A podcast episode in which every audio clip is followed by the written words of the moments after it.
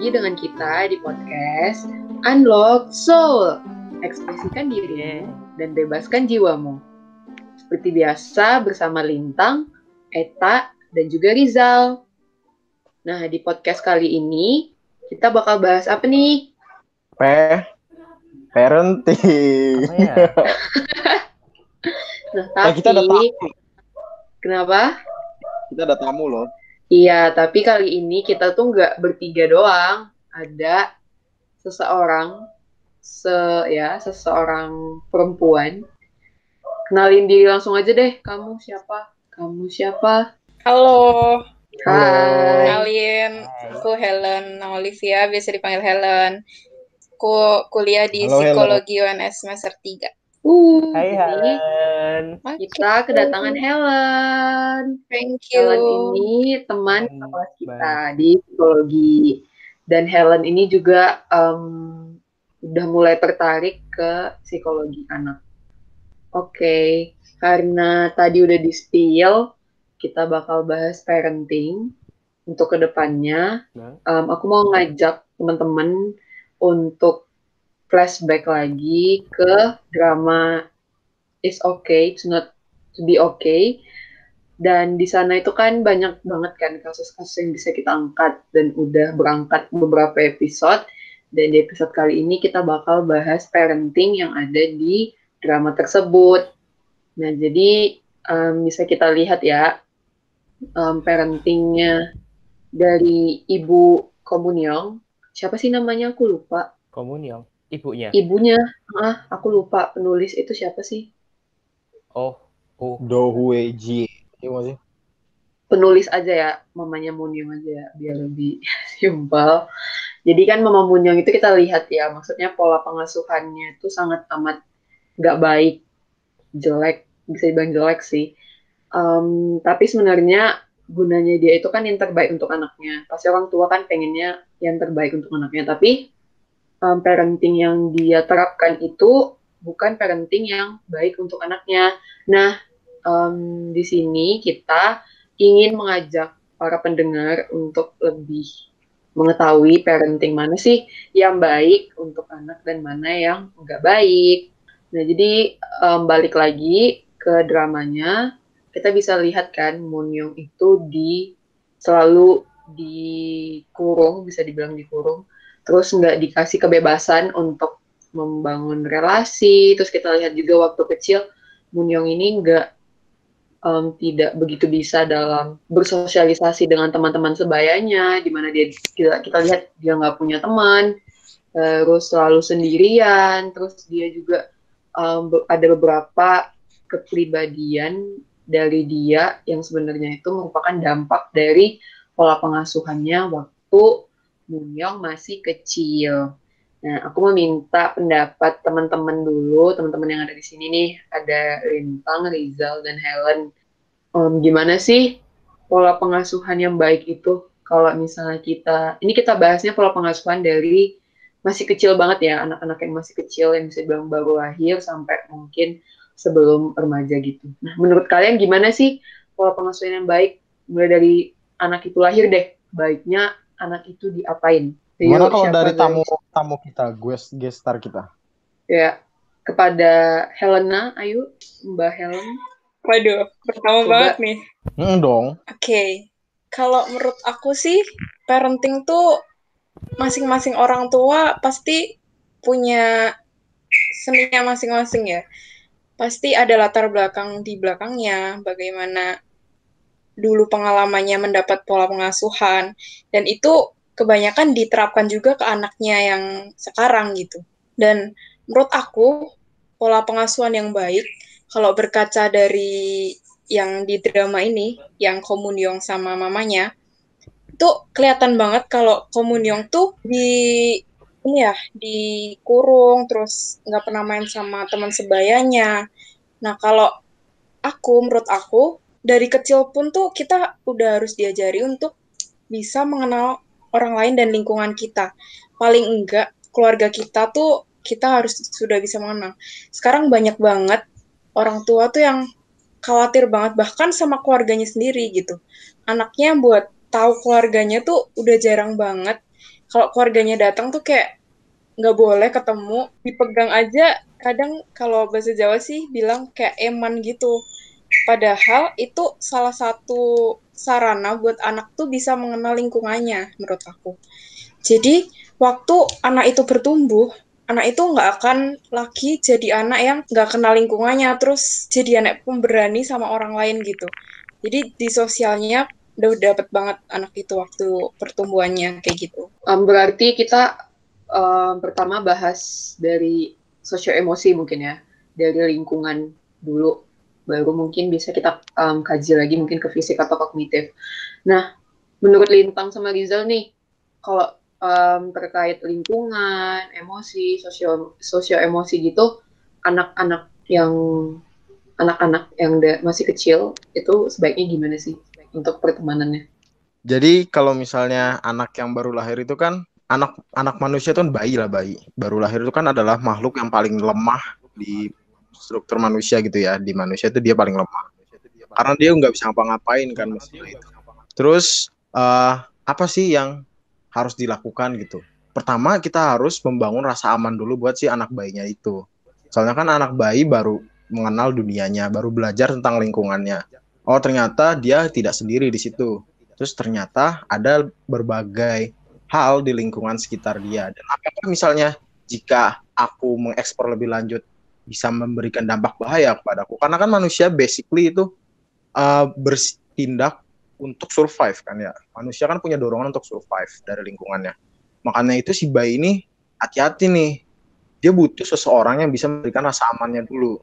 Nah, dari rasa aman ini jika sudah terbangun, baru dia bisa melanjutkan langkah untuk bereksplorasi di lingkungannya. Salah satunya, kalau misalnya sudah terpenuhi kebutuhan keamanannya dia dengan pengasuhnya ya, terutama ibunya ya, pertama kali lahir itu.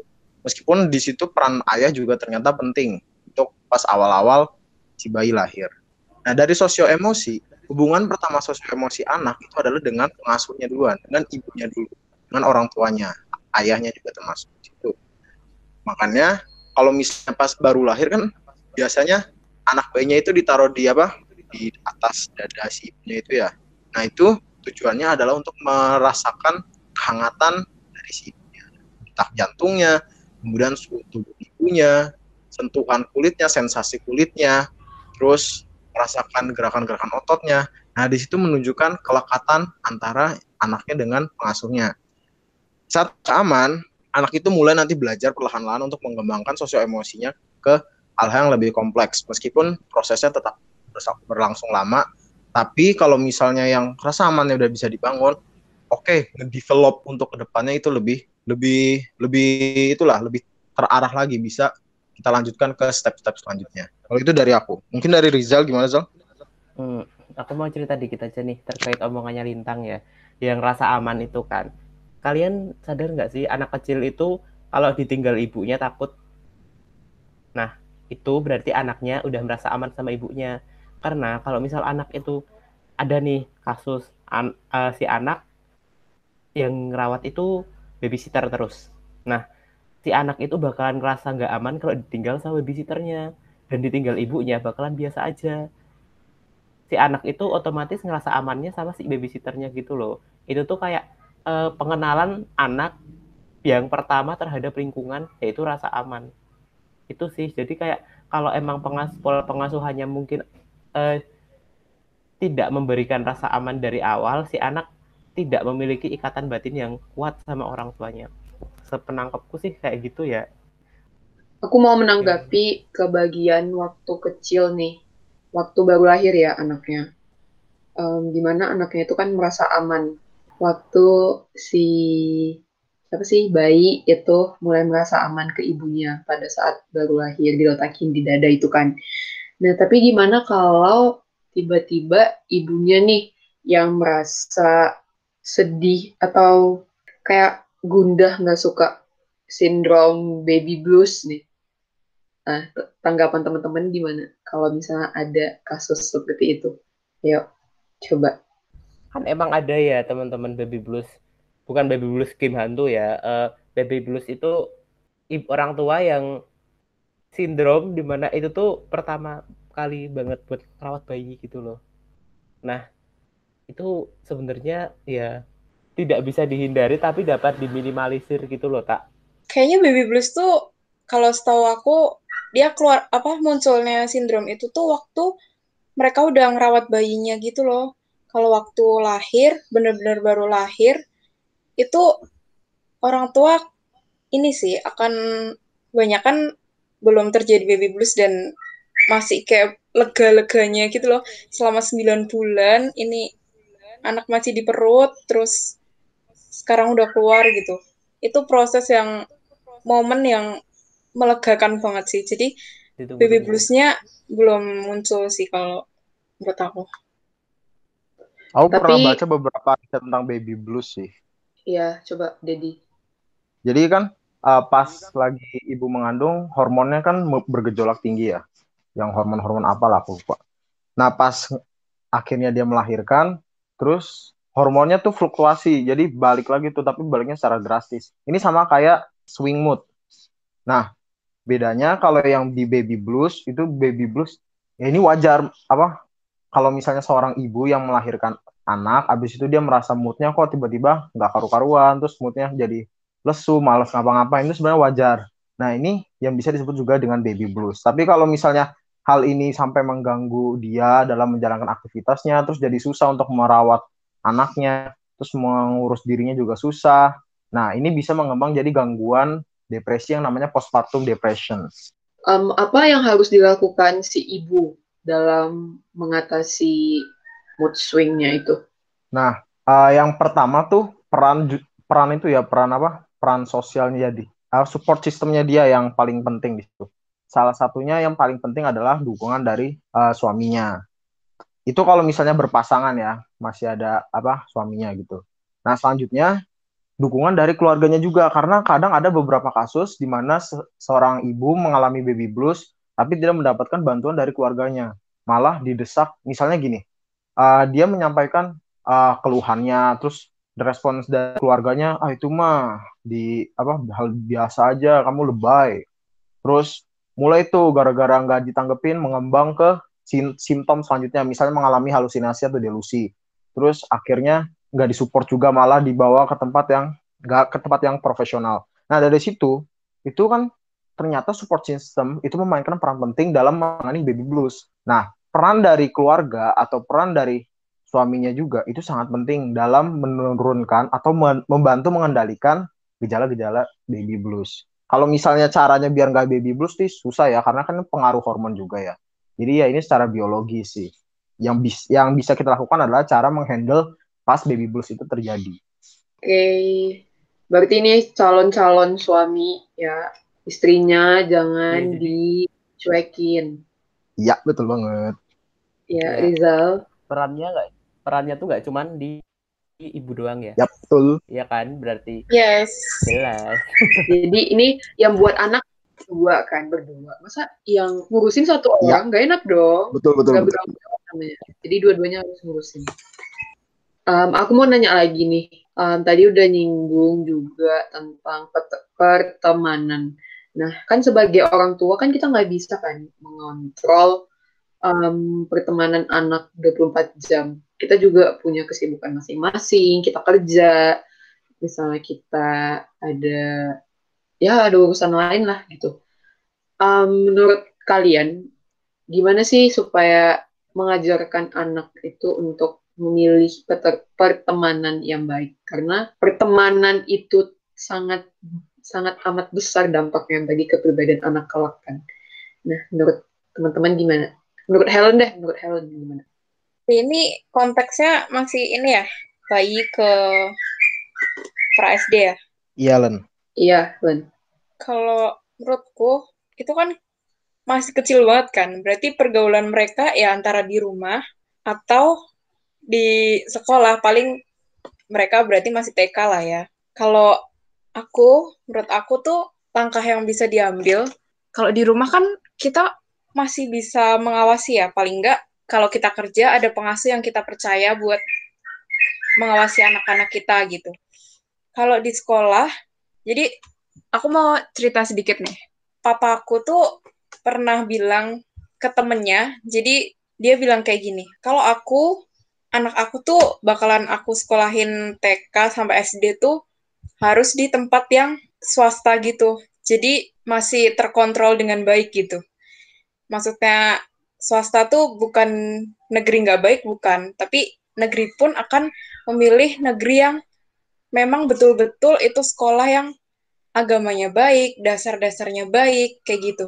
Jadi menurut aku langkah pertama untuk memilih pergaulan anak, untuk mengawasi pergaulan anak tuh kita juga harus memilih lingkungan yang baik juga buat anak gitu. Sekolah kita pilihin sekolah yang benar-benar gurunya berkualitas dan kita tahu gurunya menganut nilai yang sama yang sama yang kita percayai gitu. Guru-gurunya juga menganut nilai yang baik, guru-gurunya menganut nilai yang benar gitu. Jadi anak-anak pun di sekolah terawasi dengan baik gitu sih. Nah, yang persoalan apa kayak misalnya kalau di sekolah gitu atau di lingkungan luar rumah untuk mencari apa main sama teman gitu ya. Nah, kalau yang di sekolah itu aku setuju sama Helen. Jadi kita cari sekolah yang kita tahu figur-figur di sekolahnya itu sesuai dengan figur-figur optimal yang kita punya, standar yang kita punya. Di situ kan, soalnya kan kalau misalnya anak ditaruh di tempat apa kayak TK gitu, kan ini udah di luar kendali kita ya. Kita nggak bisa mengawasi 100% full aktivitas anak kita di sekolah itu gitu. Jadi kita bisa mengusahakan di situ untuk mencari peran guru atau peran orang-orang dalam sekolah situ yang memiliki setidaknya standar pendidikan yang sama dengan standar keoptimalan milik kita di situ kita bisa memberikan kepercayaan ke pihak lain. Nah, untuk kalau yang di lingkungan pertemanan, nah di sini aku mau menekankan betapa pentingnya hubungan pertama anak dengan orang tuanya. Karena dengan uh, kuatnya hubungan anak dengan orang tuanya, itu kan menciptakan rasa aman. Di mana pas anaknya keluar rumah, dia kan di situ udah lepas dari apa jaraknya dengan orang tua gitu ya. Nah, saat anak itu menemukan banyak struggle struggle di luar sana, dia tahu kalau misalnya ada tempat aman untuk dia kembali, yaitu di mana? Di orang tuanya. Nah, dari situlah anak bisa bercerita terbuka dengan orang tuanya. Nah, di situ orang tua bisa ngasih feedback. Oh iya, ternyata di luar itu emang ada orang-orang yang seperti ini loh. Ternyata di luar juga ada orang-orang yang tidak sejalan dengan pemikiran kamu. Inilah responsnya, ini, ini, ini, ini, ini. Nah, di situ bisa tetap ada kendali yang bisa kita lakukan di sana. Meskipun kelihatannya terkesannya kita jauh dari anak terus seolah-olah nggak ada kendali di sana. Padahal ternyata kita masih punya kendali di situ. Salah satu caranya itu langkah langkah pencegah apa awal-awalnya itu ya membangun hubungan yang baik dulu dengan si anak masih awal-awal kelahirannya dia. Baru nanti ke depannya kan enak gitu ya kelihatannya gitu. Aku mau nanggepin Helen dikit.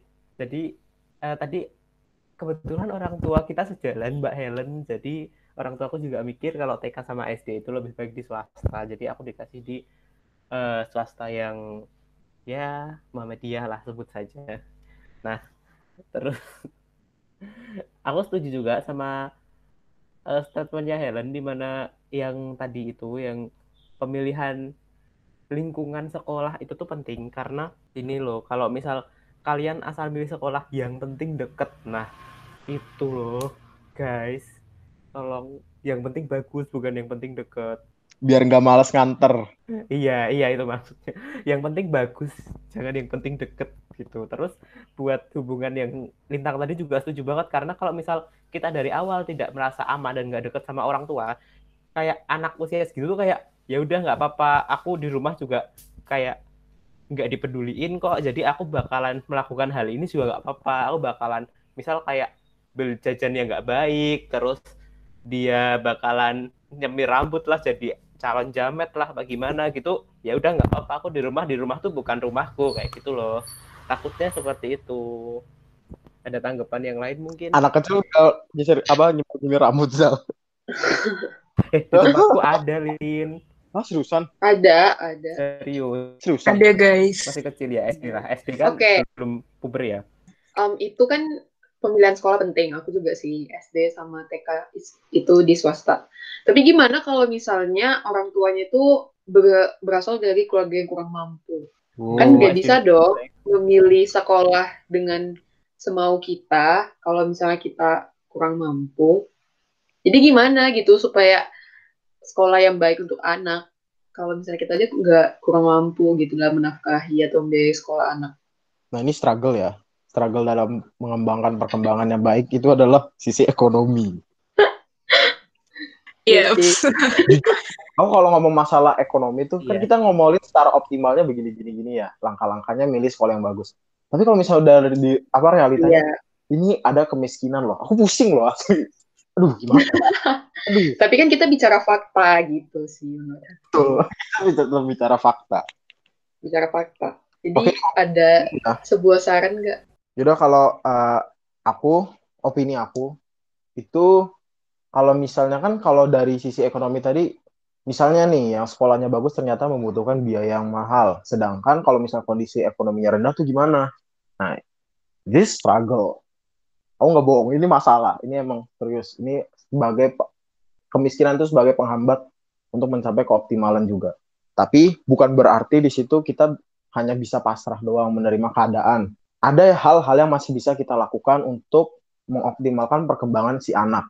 Yang salah satunya tuh adalah balik lagi ya, saat hubungan anak dengan orang tua itu merasa aman, orang anak itu mau bereksplor ke mana pun, dia tahu bahwa dia punya support system yang aman untuk dia kembali dari eksplorasinya tadi.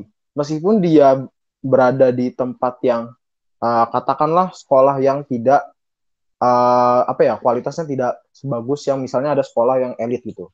Tapi nilai-nilai yang dia uh, dapatkan di sekolah, pelajaran yang dia pelajari di sekolah, saat dibawa ke rumah dia bisa tuh komunikasi dengan orang tuanya. Saat komunikasi berjalan dengan aman, di situ orang tua bisa membantu memantau bagaimana yang benar, bagaimana yang salah, membantu memberikan feedback ke anaknya. Sehingga perkembangan si anak masih bisa dipantau, masih bisa kita arahkan di situ. Meskipun tadi ada keterbatasan ekonomi. Jadi aku mau nambahin dari Lintang. Soal rasa aman yang diberikan orang tua. Kalau dari rasa aman yang dilakukan oleh orang tua, aku mungkin akan memberi sedikit langkah-langkah praktisnya gitu. Mungkin ketika anak pulang sekolah, kita bisa mengontrolnya dengan terus menanyakan. Jangan ngejudgment anak dengan bilang, tadi di sekolah pasti lari-larian ya nggak dengerin gurunya dan lain-lain. Tapi kita bisa nanya, selalu mengontrol dengan bilang, tadi di sekolah main apa, sama siapa, belajar apa. Itu akan mendorong anak untuk selalu terbuka sama orang tuanya. Nanti kalau sudah terbiasa pun, tanpa kita tanya, ada sebuah dorongan dari diri anak tuh untuk bisa cerita ke orang tuanya. Mah, tadi aku di sekolah kayak gini, kayak gini, kayak gini loh. Tanpa kita tanya, itu akan mulai terbiasa di dalam diri anak itu gitu.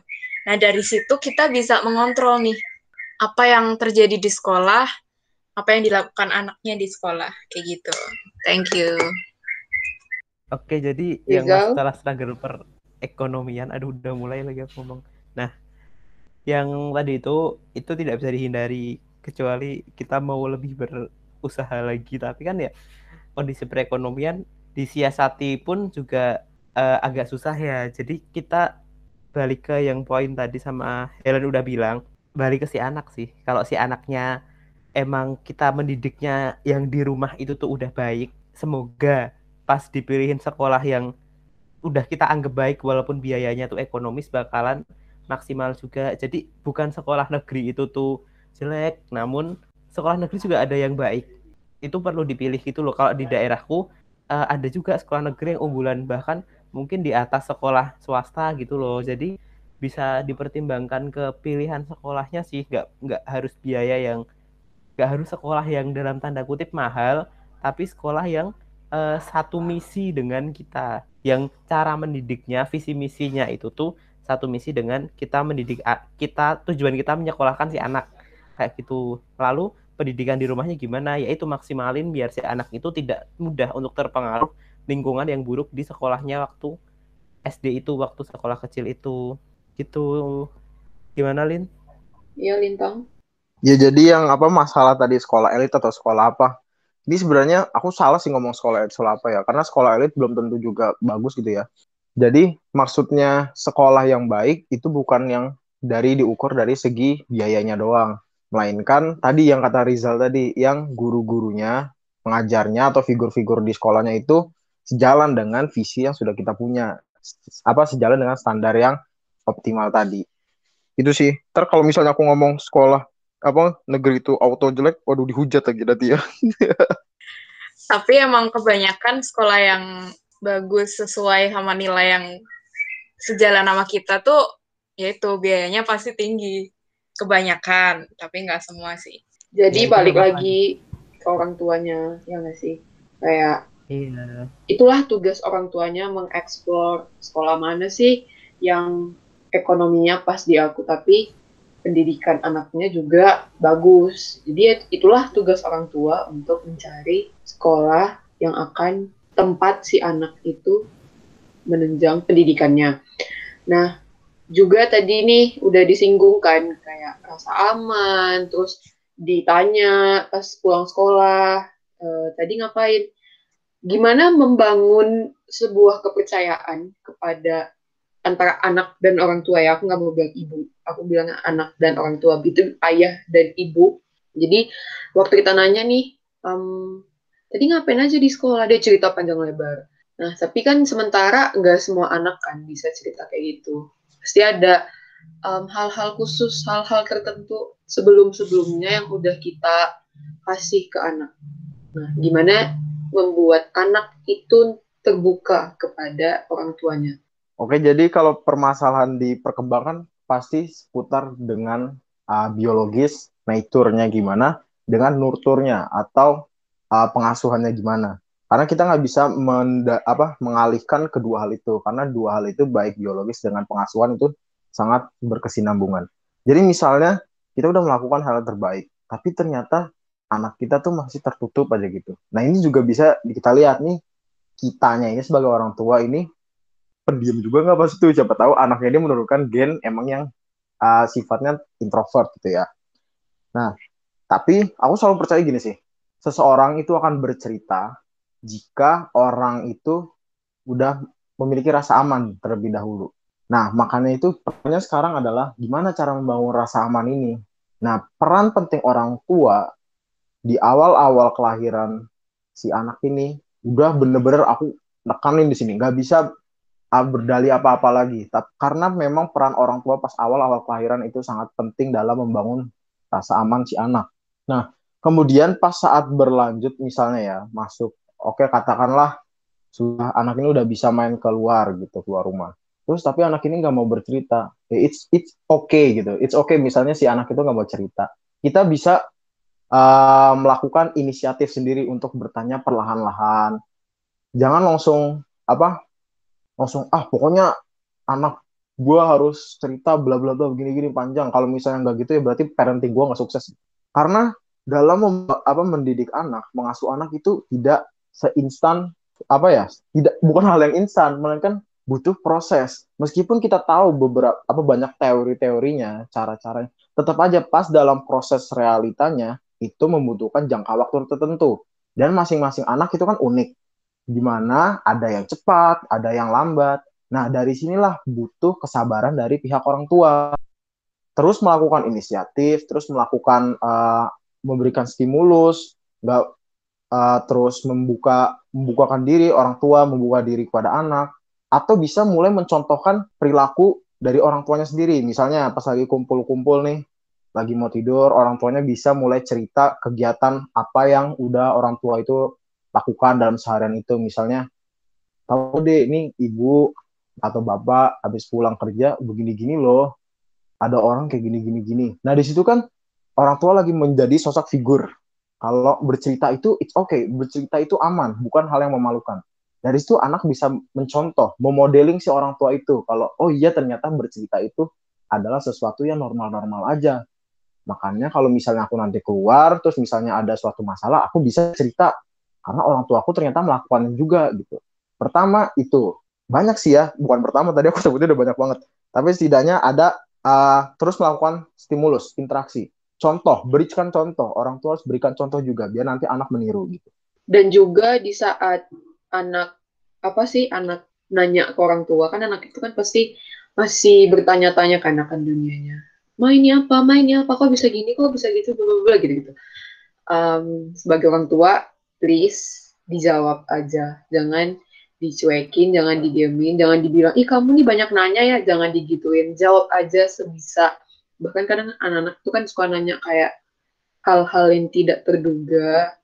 Jadi dijawab aja, dijawab aja, jangan dicuekin. Karena itu mungkin salah satu hal yang membangun rasa aman dan rasa percaya anak orang tua untuk bertanya, bercerita, curhat mungkin gitu. Teman-teman yang lain, ya Lizal? Aku mau nanggepin dikit, eh aku tertarik sama yang Etak bilang itu loh, kalau orang tua yang anak tanya ini apa mah, ini apa mah, terus dicuekin. Nah, buat mamah muda, mamah muda, eh tolong besok itu- Papa-papa juga kenal. Iya buat papa muda, mamah muda, itu tuh tolong besok di era ketika anak kalian udah gede, kalian juga bakalan tanya, nak ini apa, ini gimana caranya, dengan kalian yang bakalan mungkin bisa tanda kutip ketinggalan zaman gitu loh. Jadi ketika anak kalian tanya itu tolong dijawab karena itu investasi masa depan kalian. Setuju banget, setuju banget. Oke guys, aku mau kasih dikit tanggapan nih. Soal yang Eta dan Lintang tadi bilang soal cerita ke anak, membangun kepercayaan anak buat cerita gitu ya. Kalau menurut aku, salah satu caranya juga waktu anak udah mulai coba nih. Kadang kan anak coba ngeliat temennya, wah temennya bisa banget nih cerita ke orang tuanya, kok aku belum pernah ya gitu. Nah mungkin dia akan nyoba nih, mah tadi tuh aku di sekolah kayak gini loh gitu. Jangan buru-buru ngejudge gitu loh guys. Jadi dengerin aja. Terus jangan buru-buru ngasih pendapat kalian atau eks- eh, ekspektasi kalian gitu tentang anakmu. Tanya dulu sampai dalam kenapa itu bisa kejadian, kenapa hal ini menimpa anaknya misalnya. Itu akan membuat anak semakin terbuka kan. Dia merasa, wah ibuku, papaku itu pengen tahu nih ceritaku. Ternyata orang tuaku kepo juga nih sama yang aku lakuin gitu. Jadi itu akan jadi stimulus buat anak gitu. Jadi yang apa? Persoalan tentang nanya anak si anak nanya tapi sama orang tuanya nggak direspon, nggak digubris.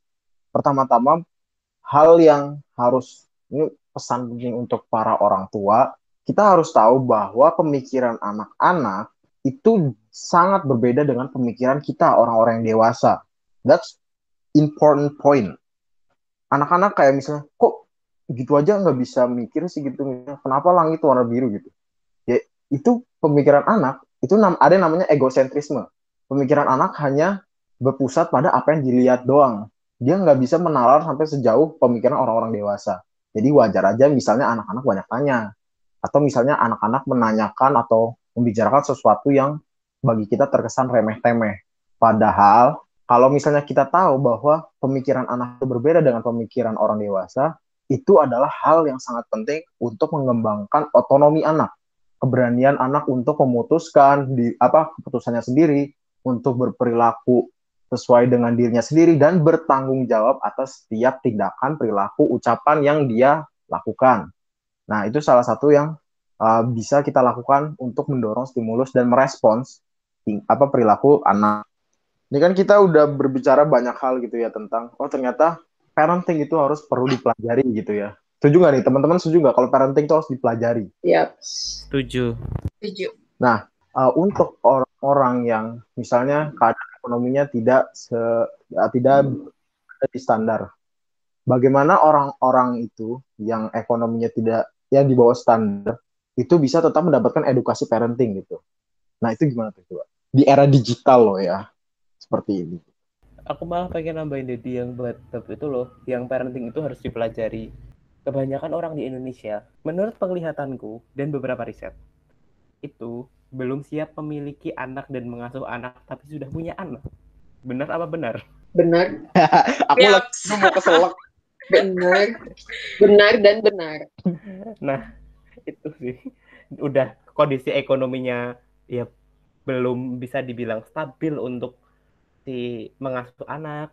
Eh, persiapan sosio emosinya juga belum siap, belum sesiap itu. Tapi mereka kesusu gitu loh. Eh, apa sih bahasanya? Tergesa buat aku kepengen nikah nih, aku kepengen cepetan nikah gara-gara temennya udah nikah. Terus udah punya anak, aku pengen cepet punya anak. Nah, balik lagi punya anak tuh nggak seinstan itu loh. Kalau kalian punya anak tapi produk gagal kan ya mending nggak usah. Astagfirullah, kayak mending ditunda gitu loh.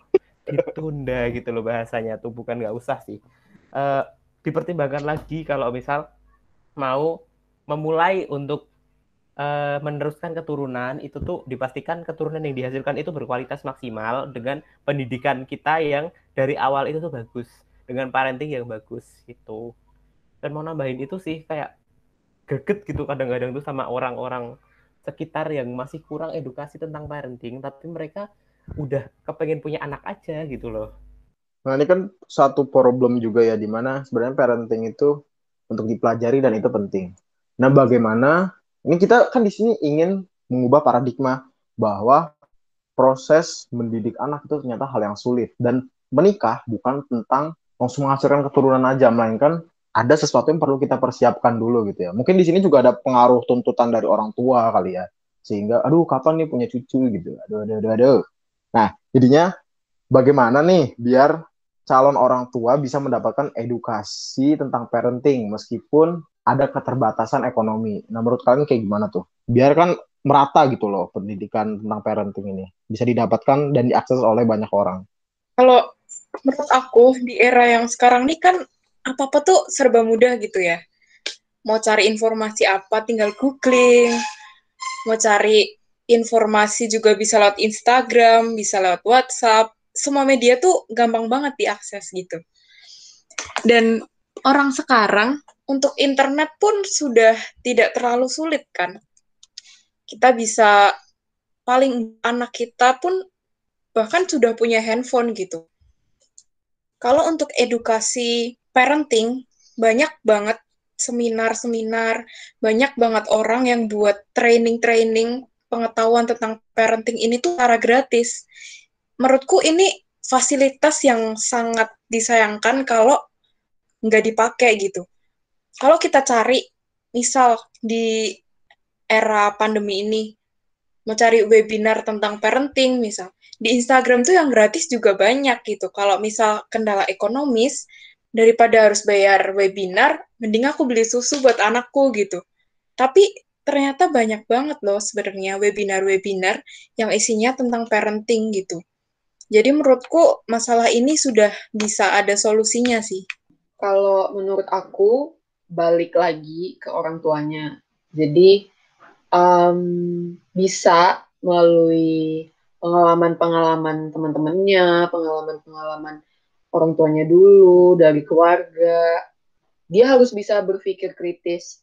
Terus bisa juga um, kalau misalnya emang sangat amat kurang mampu ya sampai beli HP aja nggak mampu misalnya bisa dari pihak-pihak um, profesional kayak um, psikolog psikolog anak yang langsung terjun ke lapangan ke daerah-daerah tertentu membuat penyuluhan membuat um, seminar-seminar kecil-kecilan ke daerah-daerah tertentu yang emang kompleks yang kurang mampu kan ada kan kayak gitu dan dari pemerintah sendiri bisa mungkin menyebarkan iya melalui tenaga-tenaga profesional atau bisa dengan kayak di jalan misalnya ada baliho-baliho gitu kan bisa di situ kan lewat ajang promosi. Misalnya ada misalnya parenting yang baik, bla bla bla kan gitu enak. Walaupun mungkin gak bakal langsung apa langsung langsung diserap oleh orang tua. Dan di sisi lain juga bisa melalui guru. Jadi gurunya yang mengasih tahu nih ke orang tua anaknya gimana gimana. Jadi bukan orang tua aja tapi juga peran guru. Jadi guru dan orang tua sama-sama bekerja sama membentuk kepribadian anak yang baik itu menurut aku. Soal tadi keterbatasan ekonomi sebenarnya itu bukan masalah utama banget sih menurutku. Soalnya banyak banget orang yang sebenarnya mampu. Bahkan orang tuanya bisa beli baju bagus maksudnya yang kayak brand-brand bagus. Itu kan bukan kebutuhan mereka sebenarnya. Itu sebuah keinginan kan. Ada juga orang-orang yang punya waktu banget buat jalan-jalan buat shopping buat ini buat itu tapi bahkan mereka nggak mau meluangkan waktunya untuk belajar mengupgrade dirinya buat menjadi seorang orang tua yang baik. Nah, menurutku ini balik lagi bagaimana prioritas orang tua. apakah seorang orang tua memprioritaskan anaknya atau dia lebih memprioritaskan dirinya sendiri keegoisan dirinya sendiri udah gitu aja Atau mungkin gini Len, orang tua itu nggak tahu kalau pola pengasuhan yang dia lakukan itu salah. Kan bisa jadi kan ya kayak gitu ya. Jadi dia nggak tahu kalau yang dilakukan itu nggak optimal gitu loh. ya itu bisa jadi juga sih tapi beberapa juga masih bebal gitu loh orang Nah, di sekitarnya mungkin udah kasih informasi tapi masih banyak orang-orang tuh yang bebal gitu mereka udah dikasih tahu kalau sebenarnya ini tuh nggak baik loh anakmu ini nggak baik loh gitu tapi ya gitu-gitu aja masih aja dilakukan nah gitu-gitu sih Ya susah sih ya kalau misalnya kita, apa kita tahu misalnya itu itu adalah hal yang benar meskipun orang lain udah ngomong mengkoreksi gitu ya. Itulah fungsinya untuk bersikap terbuka. Eh, mungkin ini bisa ini bisa jadi pertanyaan terakhir. Ya. Jadi kan ada nih kayak misalnya statement kayak gini. Em, kasih sayang kita itu ke anak jangan terlalu berlebihan, tapi juga jangan terlalu kurang. Menurut kalian, kasih sayang yang tidak berlebihan dan tidak kurang itu gimana? Aku mau Rizal dulu deh. Oke, jadi kasih sayang yang berlebihan itu menurutku juga nggak baik karena itu eh, terlalu sayang itu jatuhnya biasanya memanjakan nanti, sedangkan kasih sayang yang kurang itu eh, bakalan pengacuhan nggak sih? Diacuhkan. Nah, oh ya, kasih sayang berlebihan kalau versi keras bakal jadi otoriter karena dia bakalan mengatur, mengatur, mengatur demi kebaikan si anak sebenarnya, tapi jatuhnya dia mengurung si anak kayak Muniong tadi. Terus, eh, gimana sih kasih sayang yang pas? Itu kasih sayang yang bersifat demokratis. Gimana tuh demokratis kalau menurutku itu jadi masih memberi kebebasan namun dengan batasan-batasan tertentu. Nah, di batasannya itu seperti apa? Tergantung kalian mau jadi orang tua yang demokratisnya seperti apa dan membentuk anak kalian seperti apa. Kalian aku percaya aja sih kalau orang punya basic pengetahuan tentang parenting bakalan mengasuh anak sesuai dengan kondisi sekitar, sesuai dengan kondisi sesuai dengan apa sih target kalian dan tidak akan membuat si anak itu terbebani terlalu banyak karena pengasuhan kalian. Jadi ya itu bergantung pada kalian intinya itu jangan eh, masih memberi kebebasan namun dengan batasan-batasan berupa norma seperti itu sih kalau menurutku mungkin ada tambahan dari Lintang apa Helen? Ya aku mau ngebahas yang pola pengasuhan itu ya. Ini kan ada ya sebenarnya tersendiri yang ngebahas pola, apa empat pola pengasuhan tadi.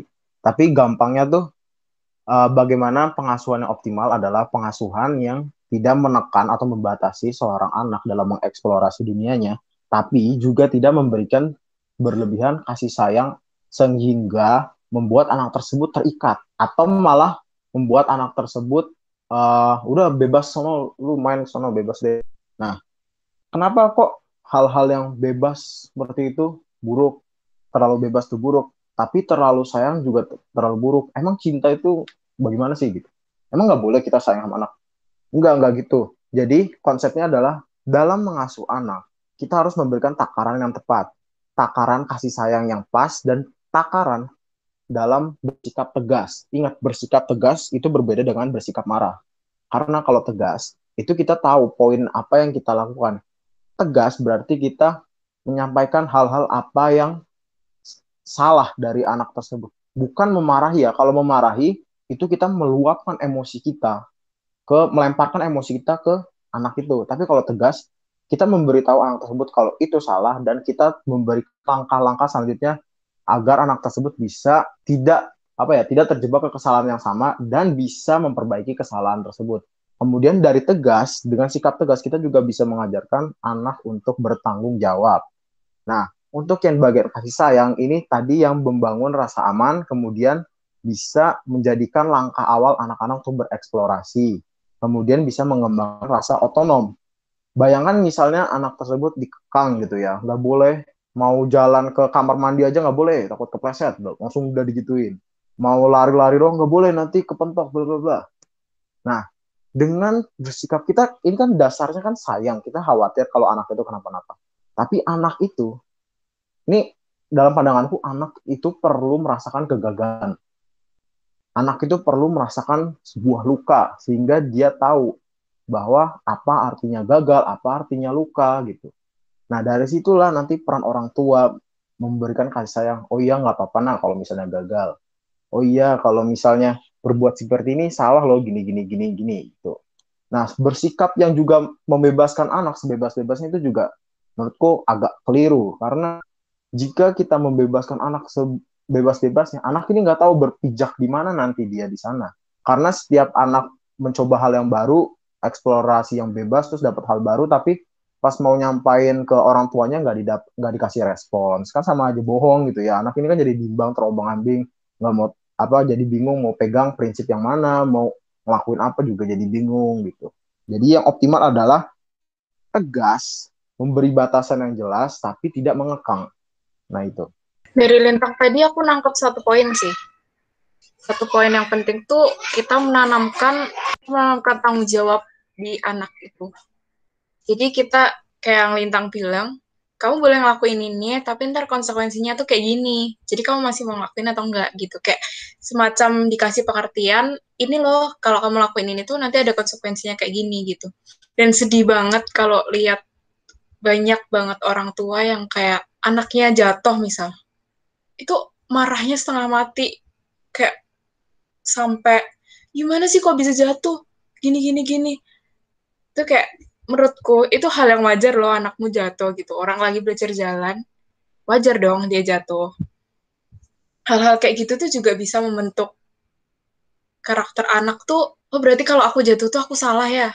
Kalau aku jatuh tuh aku melakukan hal yang nggak bener ya? Gitu itu jadi kalau rasa tanggung jawab itu ditanamkan orang tuanya bisa bilang kalau oh iya kayak lintang bilang jatuh tuh nggak apa-apa.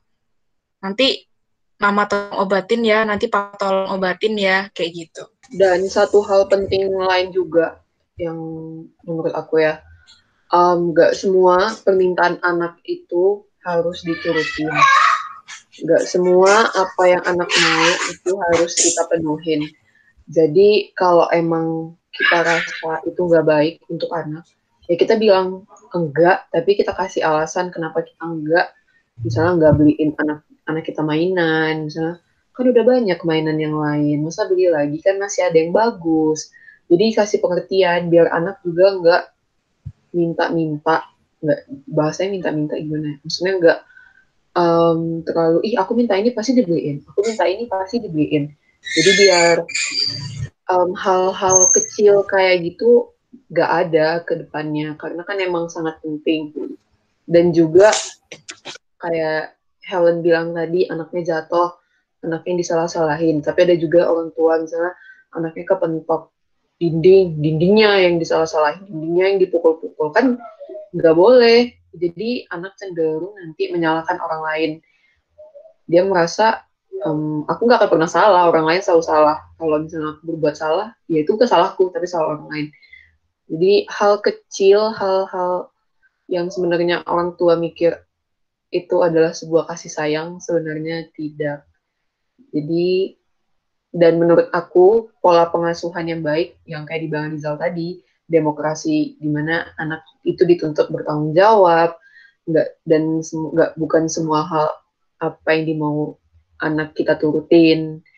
Jadi dari drama It's Okay to Not to Be Okay itu kan banyak banget hal yang bisa kita ambil dari Ibu Munyong, di mana Ibu Munyong itu orangnya cenderung menutup anak anaknya dari luar.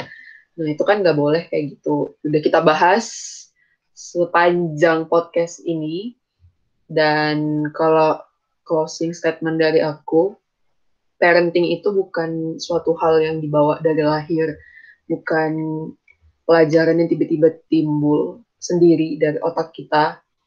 Parenting itu kita bisa pelajari dari lingkungan kita, dari pengalaman-pengalaman kita, dari semua hal yang terkait anak. Dan itulah gunanya kita sebagai orang tua. Jangan jangan pernah lelah untuk mengeksplor lagi tentang hal-hal tentang anak kita dan jadilah orang tua di saat siap. Jangan belum siap tapi udah jadi orang tua. Banyak kan hal-hal yang bisa dilakukan kalau misal emang ngebet banget untuk berhubungan seksual tapi sebenarnya nggak siap punya anak itu banyak hal-hal yang bisa dilakukan untuk menunda kehamilan dulu. Itu bisa dicari tahu sendiri. Itu um, closing statement dari aku. Kalau dari yang lain ada aku minta kasih closing statementnya dong dari podcast kali ini. Yuk. Oke okay, kalau dari aku parenting tuh sesuatu yang sebenarnya nggak ada yang salah nggak ada yang salah nggak ada yang benar tergantung situasi dan tempatnya sih. Bagaimana aku harus menerapkan ini pada anakku di situasi yang ini dan yang penting jelas dan kasih anak pengertian. Itu akan membuat anak mengerti itu aja dari Lintang ya closing statement dari aku parenting itu adalah skill skill yang bisa dipelajari jadi kita tidak harus mengikuti pola-pola parenting yang masa lalu dari orang tua kita atau dari kakek nenek kita. Tapi kita bisa mengubah pola itu. Dengan cara apa? Dengan cara kita mencari sumber, mempelajari bagaimana parenting yang optimal itu seperti apa. Karena anak itu bukanlah sekadar uh, seseorang yang datang begitu saja, tapi itu adalah seorang anggota keluarga yang ternyata kita memiliki responsibility yang besar terhadap perkembangannya dia. Entah dia mau jadi apa nanti besar, itu adalah urusan masa depan. Tapi urusan sekarang adalah bagaimana kita membekali anak-anak untuk bisa menghadapi realita di luar sana. Rizal? Oke, udah disebut sama Lintang sama Helen ya, keren banget. Aku cuma mau nambahin kalau di mana sebenarnya tuh parenting itu adalah salah satu komponen utama anak kalian dalam menjalani kehidupan ke depannya. Kalau kalian sayang sama anak kalian, lakukanlah yang terbaik. Treat mereka dengan cara yang terbaik. Kalau kalian emang kepengen kehidupan anak kalian baik, karena parenting yang buruk akan menghasilkan produk yang buruk juga. Rumah adalah tempat pertama anak mengenal dunia. Orang tua adalah orang pertama yang dikenal oleh bayi. Jadi treat mereka sebaik mungkin agar menjadi agar menjadi orang yang baik pula. Oke, okay, terima kasih. Podcast kali ini seru banget. Terus kita ditemenin sama teman kita Helen. Jadi terima kasih teman-teman udah dengerin podcast kita sampai sejauh ini, sepanjang ini dan mungkin um, kita nggak tahu bakal ada part 2 dari parenting atau mungkin kita merasa ini udah cukup. Dan Sampai jumpa di podcast kita selanjutnya. Bye-bye. Dadah. Dadah. Dadah guys. Bye. Makasih semuanya. Makasih Helen. Makasih. Jangan lupa didengerin ya podcast yang lain. Thank you. See you.